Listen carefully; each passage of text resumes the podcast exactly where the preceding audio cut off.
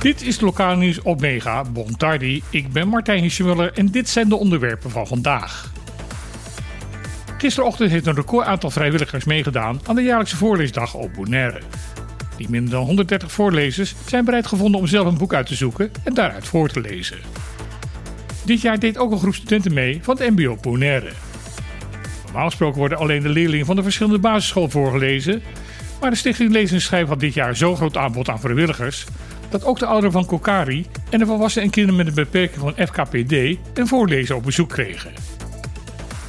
Stichting Lezen en Schrijven hoopt dat een goed voorbeeld goed doet volgen dat voorlezen op zich niet zal gaan beperken tot een half uurtje op de jaarlijkse voorleesdag.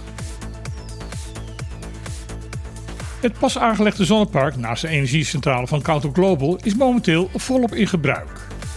Betekent dat de bijna 11.000 zonnepanelen gemiddeld zo'n 5 megawatt per uur aan elektriciteit levert. Dat is ongeveer 20% van het totale energieverbruik op het eiland. Energie opwekken via zonne-energie is niet eenvoudig.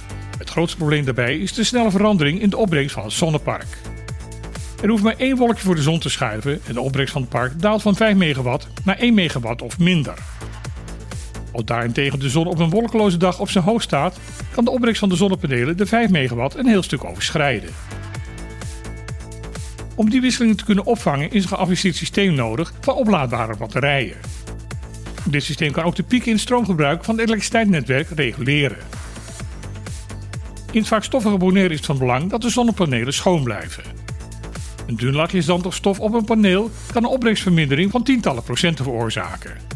Daarom is het dagelijks een solar cleaning robot bezig om de ruim 38.000 vierkante meter aan panelen brandschoon te houden. De boot die maandagavond verongelukte op aan de oostkust van Bonaire lijkt onderweg te zijn geweest van Curaçao naar Isla de Aves. Een eiland een stuk meer naar het noorden dat bij Venezuela hoort. Hoe het schip aan de oostkust van Bonaire heeft kunnen terechtkomen is niet geheel duidelijk.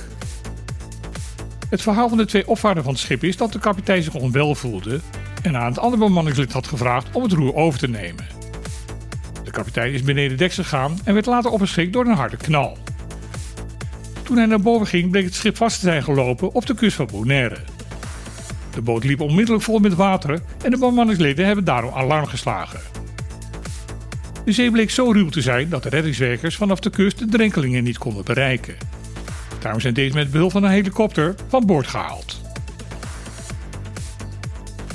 Binnenkort kunnen studenten afkomstig uit het Koninkrijk der Nederlanden voor zes maanden stage lopen of studeren in een ander deel van het Koninkrijk.